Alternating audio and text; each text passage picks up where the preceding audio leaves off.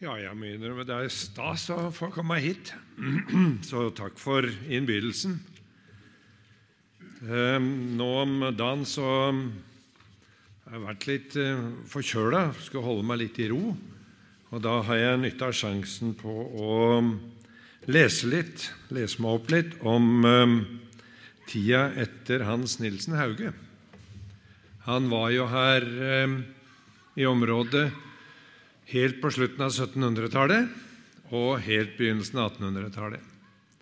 Så har jeg prøvd å finne noe stoff om eh, eh, hva som foregikk da, om det, om det blei noe liv, om det blei noe virksomhet utover 1800-tallet.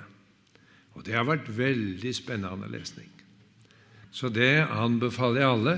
Får vi se litt mer av eh, den bakgrunnen vi har, og jeg tenker de skuldrene vi står på i dag.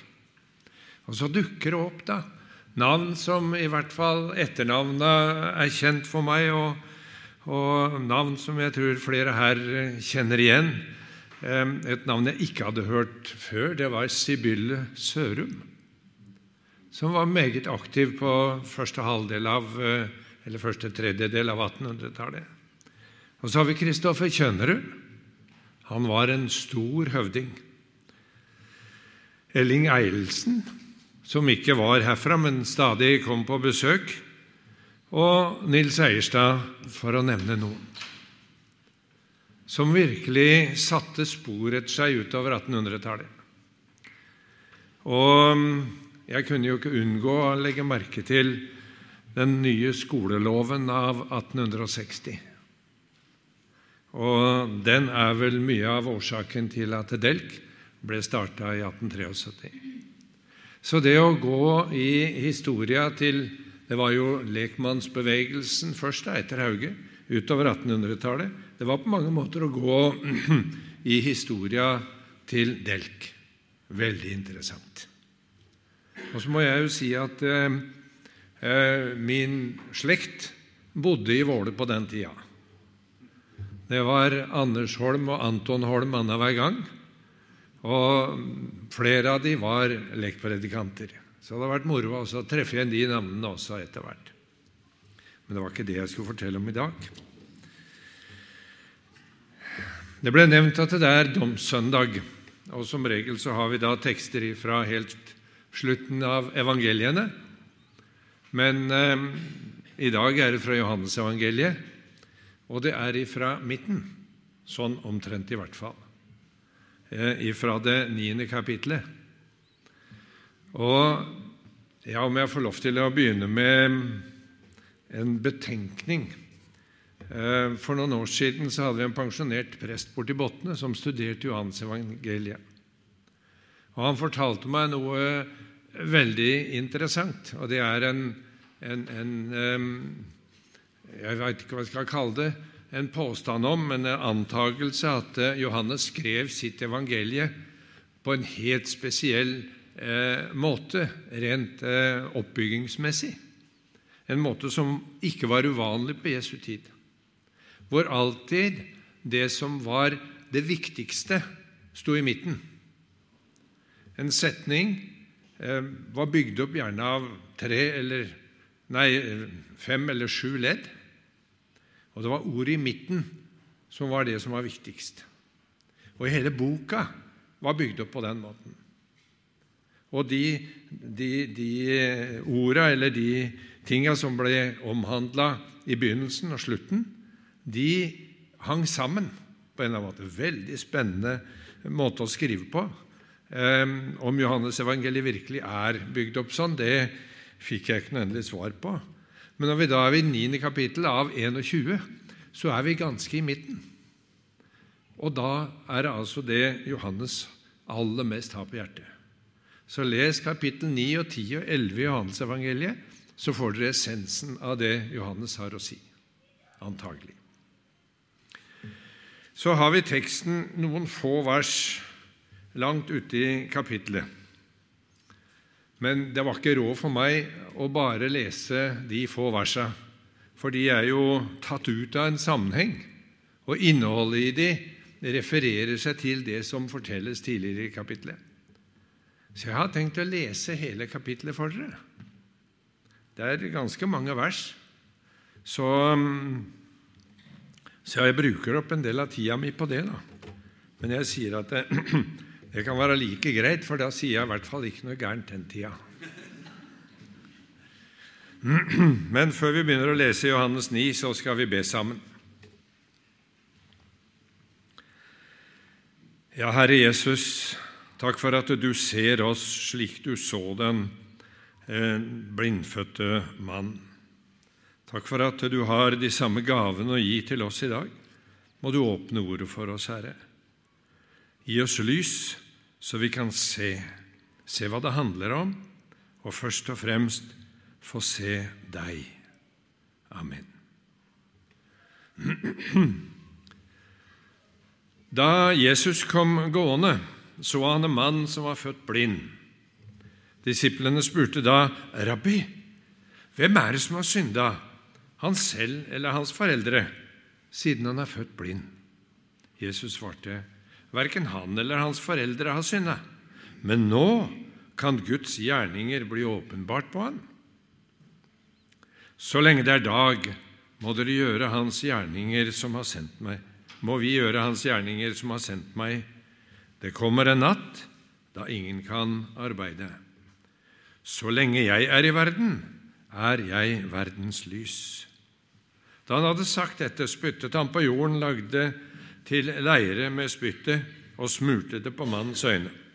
Så sa han, Gå og vask deg i Siloadammen. Siloa betyr utsendt. Mannen gikk dit og vaska seg og han kom tilbake sene. Naboene og de som før hadde sett at han var tigger, sa da, Er dette han som satt og tigget? Noen sa at det var han, andre sa, Nei, han bare ligner. Men han sa selv, Det er meg. Hvordan ble øynene dine åpna? spurte de. Han svarte, En som heter Jesus, laget til leire og smurte på øynene mine og sa, Gå i Siloadammen og vask deg.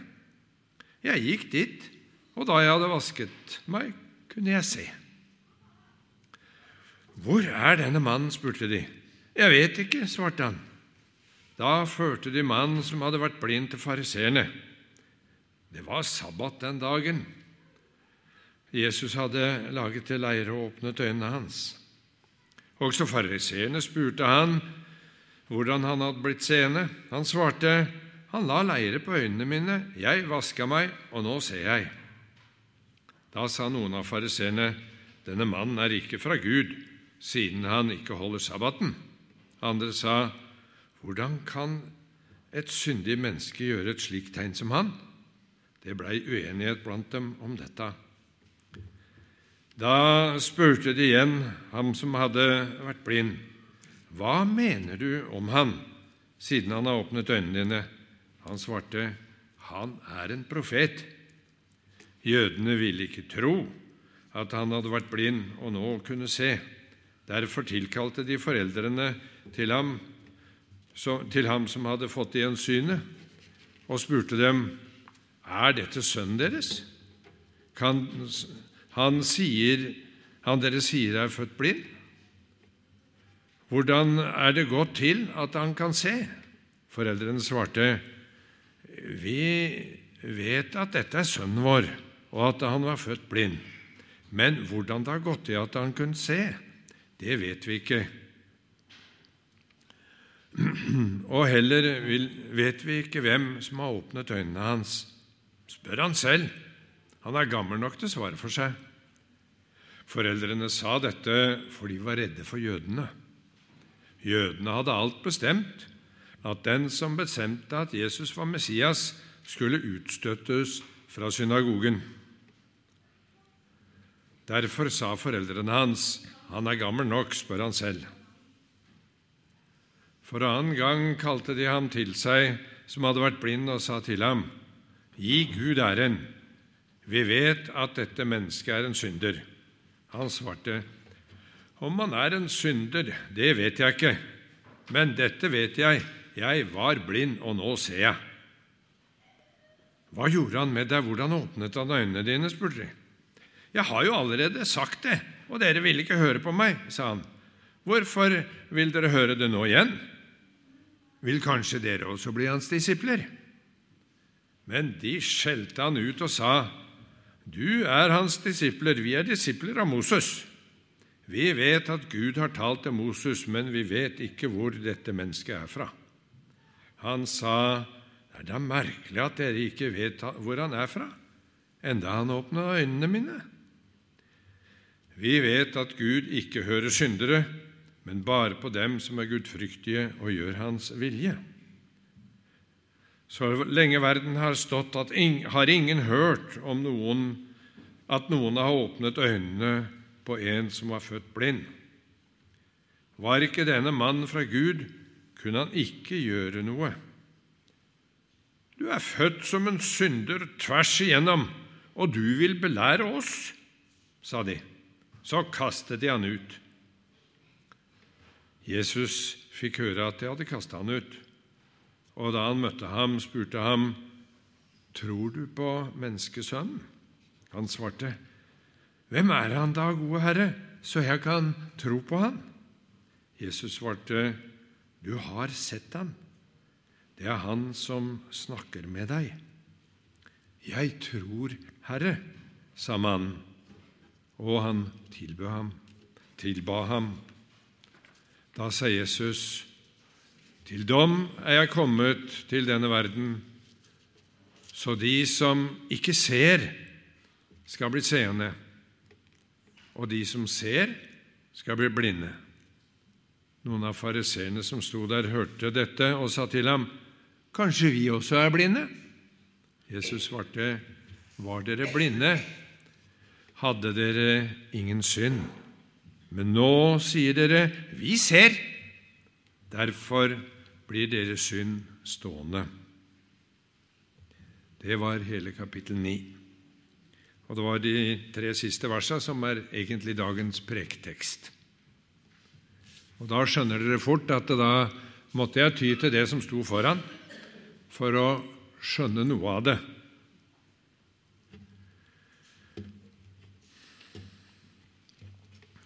Og teksten er vel valgt på grunn av de første orda i vers 39 til dom er jeg kommet til denne verden. Men eh, vi må jo innrømme at eh, fortsettelsen der ligner ikke på de andre domsavsnittene som vi finner i Bibelen. Dessuten, hvis vi hadde begynt litt før i Johansevangeliet Nå tørte jeg ikke lese annet enn kapittel 9, da. Nå hadde jeg lest, lest kapittel 8 òg. Så kunne jeg lest bl.a.: Dere dømmer slik mennesker gjør, men jeg dømmer ingen. Eller vi kunne ha begynt enda lenger fram i Johansevangeliet. Begynt i kapittel 5, f.eks. Ja, vi kunne jo begynt på begynnelsen, men da hadde det jo ikke blitt noe preke i dag. Men det hadde vært en veldig interessant dag å lese Johannes-evangeliet sammen. Men i Johannes 5, 24 står det, og det er Jesus som sier det, Sannelig, sannelig, sier jeg dere, den som hører mine ord og tror på Han som har sendt meg, har evig liv og kommer ikke for dommen, men har gått over fra døden til livet. Og Når jeg tar fram disse versene og holder det sammen med det vi kan bl.a. lese i slutten av Matteusevangeliet, så blir det komplisert. Og når vi er her på domssøndagen, så går jo tankene automatisk til det vi omtaler som dommens dag, og som Bibelen omtaler som dommens dag. Det kommer en dag da denne verden skal dømmes. Og så leste jeg altså flere vers som sier at vi ikke skal dømmes. Har da Bibelen kommet i, i konflikt med seg sjøl? Ja, vi vet det er mange som sier det. Bibelen motsier seg sjøl både her og der, sier de. Nei, Studer den litt nøye, så skal du se. Det er eh, sammenheng i det hele.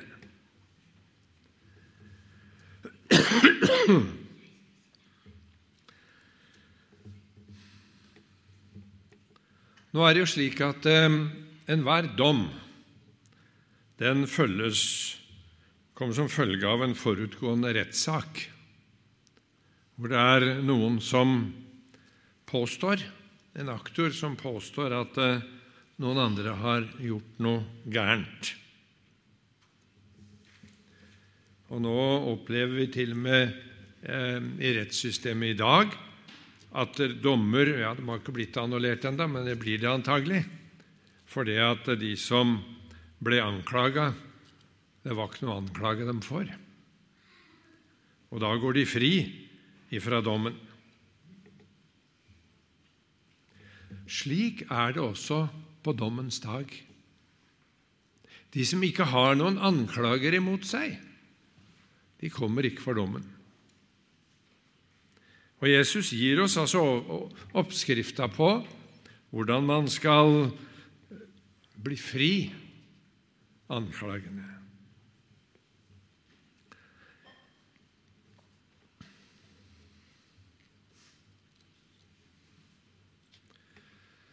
For det er jo sånn at eh, i bånn og grunn så er vi alle skyldige.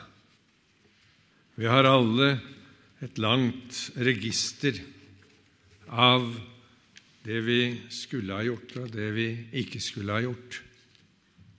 Og ikke minst et forhold til vår Herre og Frelser som eh, kunne vært mer helhjerta, som kunne vært mer bestandig.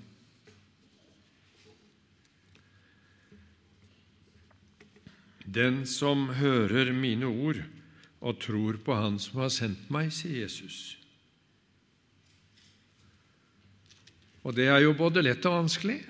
Nå har jeg lest for dere et helt kapittel og enda noen vers av Jesu ord. Ja, så har vi hørt Hans ord her i dag. Og Så kommer utfordring nummer to. Tror Han som har sendt meg.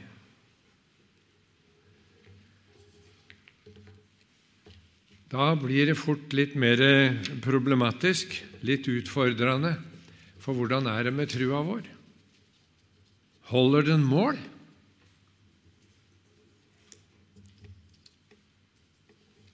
Og jeg vet at eh, det er mange, ja, jeg tror alle troende, de kjemper med trua ifra tid til annen.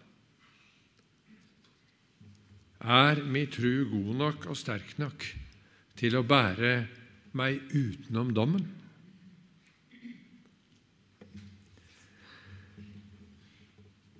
Jeg skal ikke prøve å forklare med teologiske vendinger hvordan man skal ha en stor nok og sterk nok tro. Eh, men jeg har lyst til å, å, å peke på et eksempel fra Jesu liv. Et eksempel som jeg har blitt så veldig glad i. Og jeg kunne jo finne flere andre eksempler, men på denne beskrivelsen av tro. Jesus hadde vært oppå Tabor, på Forklarelsens berg, sammen med Peter, Jakob og Johannes. Da han kom ned igjen, så var de andre disiplene i fullt arbeid. Og de hadde tatt på seg en oppgave de ikke klarte. En gutt som var besatt, og som de ikke klarte å befri. Når Jesus kommer, så kommer faren til denne mannen og sier eh,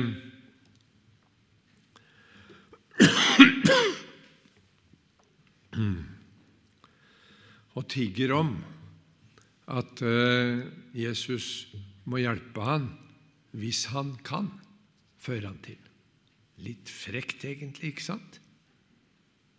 Allerede der så røper han jo at eh, den trua var visst ikke så veldig sterk likevel, selv ikke på Jesus. Om du formår, sto det i min gamle bibel. Og da er Jesus blir litt brysk tilbake. Om jeg kan!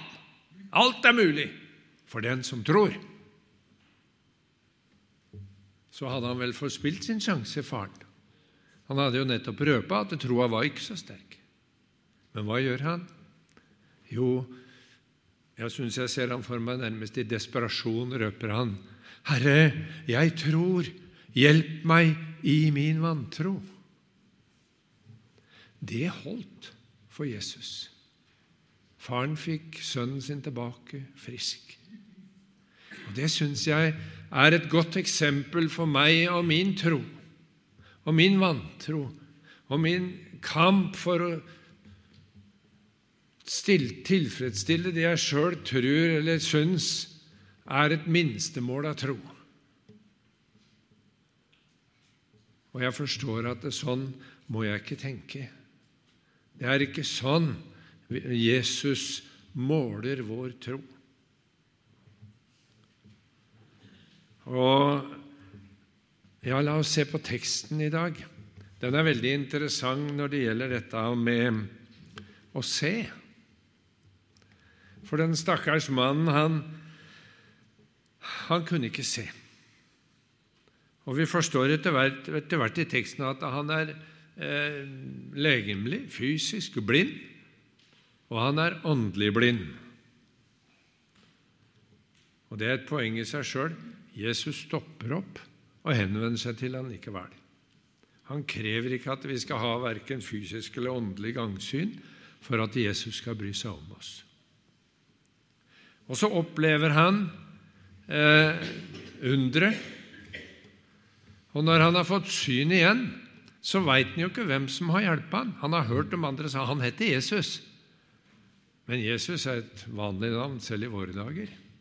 Jeg har hørt flere fotballspillere som heter Jesus. I latinske, spansktalende særlig, så er det et vanlig navn. Så han øh, veit jo ikke hva han skal si engang når han kommer for fariseerne, stakkaren. Men han veit én ting sin, at 'jeg var blind, og nå ser jeg'. Og så treffer han Jesus igjen. Og så får han spørsmålet 'Tror du på menneskesønnen?' Og da røper han at han er jo åndelig blind òg. Jeg veit ikke hvem han er, åssen skal jeg tro på han? Og så gir Jesus han det åndelige gangsynet. Det er jeg, jeg som snakker med deg. Og da går opp for han, Herre, jeg tror. Det var altså ikke en prestasjon, det var ikke en et sett med, med, tanker, en filosofi, en kamp for å klare å komme fram til tro. Jesus la det rett opp i hendene på ham. Jesus åpenbarte seg for ham med et ord. Jesus åpenbarer seg for oss her i dag i sitt ord. Og han er her. Og vi trenger ikke prestere men det er så godt å si det med den blindfødte Herre, jeg tror.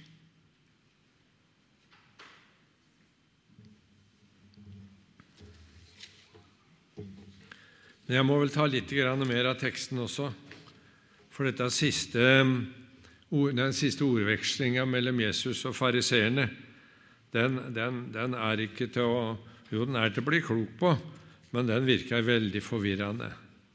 Kanskje vi også er blinde, sier de litt frekt. Og så sier Jesus, ja, var dere blinde, så hadde dere ikke noe skyld. Men dere sier 'jeg ser'. Hva mener han med det? Jeg skal ikke um, prøve å, å, å tolke det eller um, forklare det på annet vis enn å henvise til et vers, ja, det er faktisk to, i åpenbaringen i det tredje kapittelet, hvor det sies noe om det. Du sier, 'Jeg er rik, har overflod og mangler ingenting.'